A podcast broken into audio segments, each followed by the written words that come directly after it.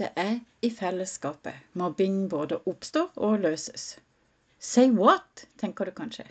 Men det er sant. Vi må la være å late som om løsningen ligger et annet sted, tenker jeg. Det har betydning for hvordan vi tenker om vekten vi legger på de individuelle versus gruppetiltakene. Klart vi kan snakke om det. Velkommen til ukens episode.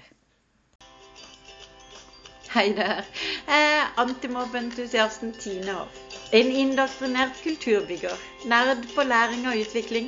Sverger til støtte og drahjelp som arbeidsform. Og elsker å finne enkle løsninger som kan hjelpe sånne som deg videre i dine utfordringer med skolemiljøet eller i arbeid mot mobbing eller kompliserte mobbesaker. Jeg er her for å støtte og gi drahjelp. For kan vi voksne jobbe i samme retning, så har vi langt større sjanse for å hjelpe barna som opplever mobbing, både kjappere og mer treffsikkert. Klart barna fortjener det. Nok prat. Skal vi gå i gang? I det øyeblikket mobbing avdekkes, så er det akkurat som det skjer et øyeblikkelig fokusskifte. Vi flytter blikket fra et gruppe til et rent individuelt fokus. La meg si det igjen. Vi flytter blikket fra klassen til den ene utsatte, den ene utøver osv. Det er på den ene siden riktig, på den andre ikke. Derfor, før vi fortsetter til gruppetiltakene i aktivitetsplanen, så vil jeg stoppe opp akkurat her i dag, for dette er viktig. Individfokuset er primæroppgaven til foreldrene, selvfølgelig. Men det er i skolen er gruppefokuset som er det primære.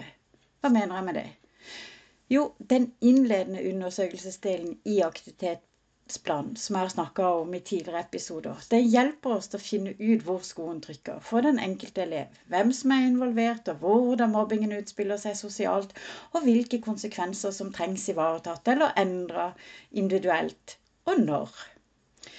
Når så det er gjort, er det det individuelle behov som skal tolkes og analyseres i et fellesskapsperspektiv.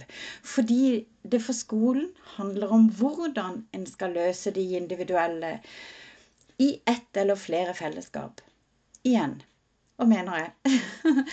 Eleven som utsettes for mobbing, er jo tiltenkt å fortsette å være på skolen og i klassen.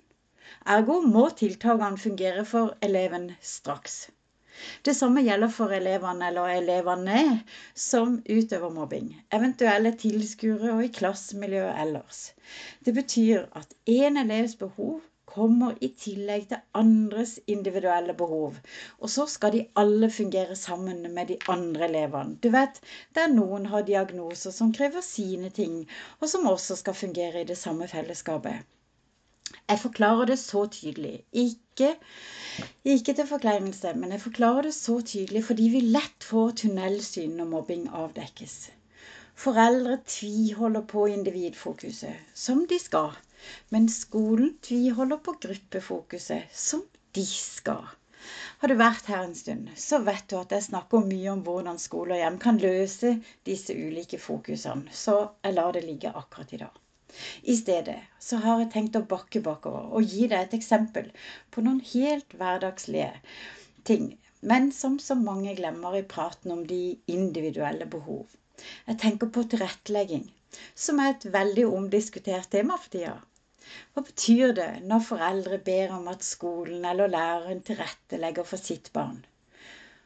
Hva ligger i forkant av foreldrenes forespørsel? Og hva betyr det for lærerens håndtering? Jeg vil du skal tenke tilbake på din egen tid som elev i skolen.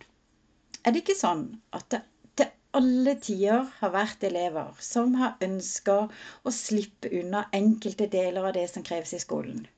Det kan være en uventa prøve, en gymtime hvor en ikke føler seg helt i form til å løpe eller trene, en lekse en ikke har gjort eller ikke fikk til, som skal vises fram Listen kunne jo vært lang, det vet vi. Vi har alle vært der, nemlig. Også du og jeg. Så ærlig må vi være. Ok, la oss si at dette er første nivået. Der hvor vi føler på ubehaget, og vi skulle gjerne ha sluppet unna. Og at det er et nivå alle elever går igjennom i større eller mindre grad. Dette er et akseptabelt nivå, kan vi kalle det. Alle skal føle på dette fra tid til annen. Det neste nivået da, kan vi si er der medelever inkluderes i at en gruer seg for en fremtidig fremføring. Om det blir en uventa prøve i neste time for gymmen osv. Også innenfor dette nivået er det flere lag, tenker jeg da. Hvor kanskje det å fortelle først eh, litt spøk, spøkaktig til en medelev om, om, at det er en bekymring eh, ikke sant? Eh, hvor de ler det bort, eller 'Så klar for prøve i dag', ha-ha-ha. Ikke sant? At det kan være det laveste nivået. Vi tør ikke helt å snakke om ubehaget, men de, de sier det allikevel. Så at de deler denne bekymringa, blir eh, At det er en bekymring, at de er alvorlige når de deler denne bekymringa. At de kan være nivået midt imellom. Og så at det høyeste nivået er å dele følelser, der de gråter eller får panikk overfor en medelev, da. Og at det er det øverste laget. Hele dette medelevnivået er et ubehagsnivå som foresatte heller ikke får med seg. De får ikke med seg det første, for det holder alle kjeft om. Det er bare noe de prøver å fikse sjøl, akkurat som du og meg har opplevd. Mens når det blir litt verre enn bare litt ubehag, ja, så prater vi kanskje med en jevnaldrende. Og så, når det kommer til det høyeste nivået akkurat her vi er nå, ja, så er det panikk. De elever gråter. Og de får gjerne litt større konsekvenser, litt større effekter, som også da kan vise seg hjemme. At foreldrene begynner å ane at noe skjer med sitt barn noe ikke er helt som det skal, men uten å fortelle likevel. Du har sikkert skjønt for lenge siden hvor jeg vil med dette. Fordi at når foreldre henvender seg til skolen eller til lærer, er det fordi deres barns ubehag har fått sin effekt på hjemmefronten. Hva betyr det? Vel, det kan føre til endring i spisevaner. Kanskje er det en dag som er fast i uka at barnet alltid sier at det er sykt at nattesøvnen forsvinner plutselig, og at det ikke eh, da plutselig vil fortelle hva som skjer på skolen og sånn. Kjenner igjen symptomene? Ofte kan det være langt vanskeligere å få barnet til å fortelle hva det egentlig er som ligger bak, enn for foreldre å se hvilken effekt det har på barnet. Derfor, og det er poenget i dette eksempelet, når foreldre kommer til skolen, handler det om så mye mer enn overbeskyttende foreldre som en skal ta med en klype salt. En skal så absolutt ta det på alvor. For konsekvensene av å vente og se, og overse og ikke ta tak, kan bli unødvendig store. Og akkurat her så vet jeg at dette er veldig likt det som er i eh, hvis mobbing skjer, ikke sant? Men hva vil det si å ta tak, da?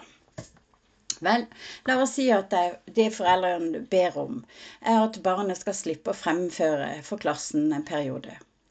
Det er et veldig vanlig spørsmål, eh, også i mobbesaker når bedring av klassemiljø lar vente på seg. Hva betyr akkurat dette? Eller hvilken beskjed er det til læreren? Det kan bety at fremføring ikke skal skje for denne eleven foran klassen men aller mest så betyr det, i hvert fall for meg da jeg var lærer, at jeg ikke har lagt grunnlaget godt nok om å kjøre en ny runde med teknikkene. For klassen. Hvis det er én som har det sånn, så er det garantert flere, tenker jeg alltid. Derfor så tar jeg en ny runde, da. Fokuset er på gruppen eller klassen. Bare så det er sagt, sånn at jeg har nevnt det i hvert fall, så er dette teknikker som jeg alltid la til tidlig i skoleåret. Men de gangene som jeg trengte å justere eller gjøre endringer, så kjørte jeg det bare en gang til. Kanskje noen andre varianter, da. Men kjørte det bare på nytt. Og så tenkte jeg bare skulle fortelle helt lett hva det er for noe. Det er bare å bygge miljøet på nytt gjennom fag, altså gjennom normal undervisning kan fint tilpasse det til fag. Velg store oppgaver som de løser i store grupper. ikke sant? Eller oppgaver de generelt sett løser i store grupper. F.eks. De, løser, de er mange som løser oppgaven eh, til medelever som har ryggen til resten av klassen, som i et hørespill, da. ikke sant? Velge oppgaver som de løser i mindre grupper. Oppå pulten, f.eks. under pulten, utendørs. Lage oppgaver med parløsninger. F.eks. kryssord som orienteringsløp, sånn at alle er i gang på hver sine fronter. Det er et hav av løsningsvarianter her. Ikke minst kan publikum i gåseøynene gis oppgaver å løse samtidig som det fremføres. Altså at klassen som ikke fremfører, svarer på spørsmål, sånn at de må følge med. Eller at det settes på noen forstyrrende elementer som trekker fokus et annet sted. Her er det altså ingen begrensninger, bare grad av didaktisk fantasi. Det jeg har funnet er viktig i denne sammenheng, er at det tar lang tid hvis vi ikke har klart å bygge klassemiljøet trygt nok fra at de er mange til løsning av oppgaver fram til de er to, så tar det veldig lang tid fra de er to som fremfører, til det blir trygt nok å løse hver for seg. Bare så jeg nevnte det. Hvorfor nevner jeg dette? Både bruke tilrettelegging som eksempel i dag, og foreslå klassevise løsninger. Jo, fordi det tar for seg akkurat det vi starta med i dag, nemlig individbehovet som må løses i fellesskap, altså klassen. Hør, vi er inne i semesteret der det skal spisses mot kompetansemålene. Likevel så kan det være flere ting som skjer på veien som gjør at vi må bygge eller justere miljøet selv. Selv om selve byggesemesteret er over. Uansett hvordan vi snur og vender på det, skal barna nå et visst mål i løpet av dette semesteret. Men det er ingen hindre for at vi kan, samtidig, at vi kan gjøre det samtidig og inkludert i undervisninga og opplæringa. Ikke glem, det er et utall veier til ethvert mål. Selv om hva spørsmålet alltid er foreldrenes hovedspørsmål, er det skolen som må løse hva spørsmålets hvordan om det gir mening.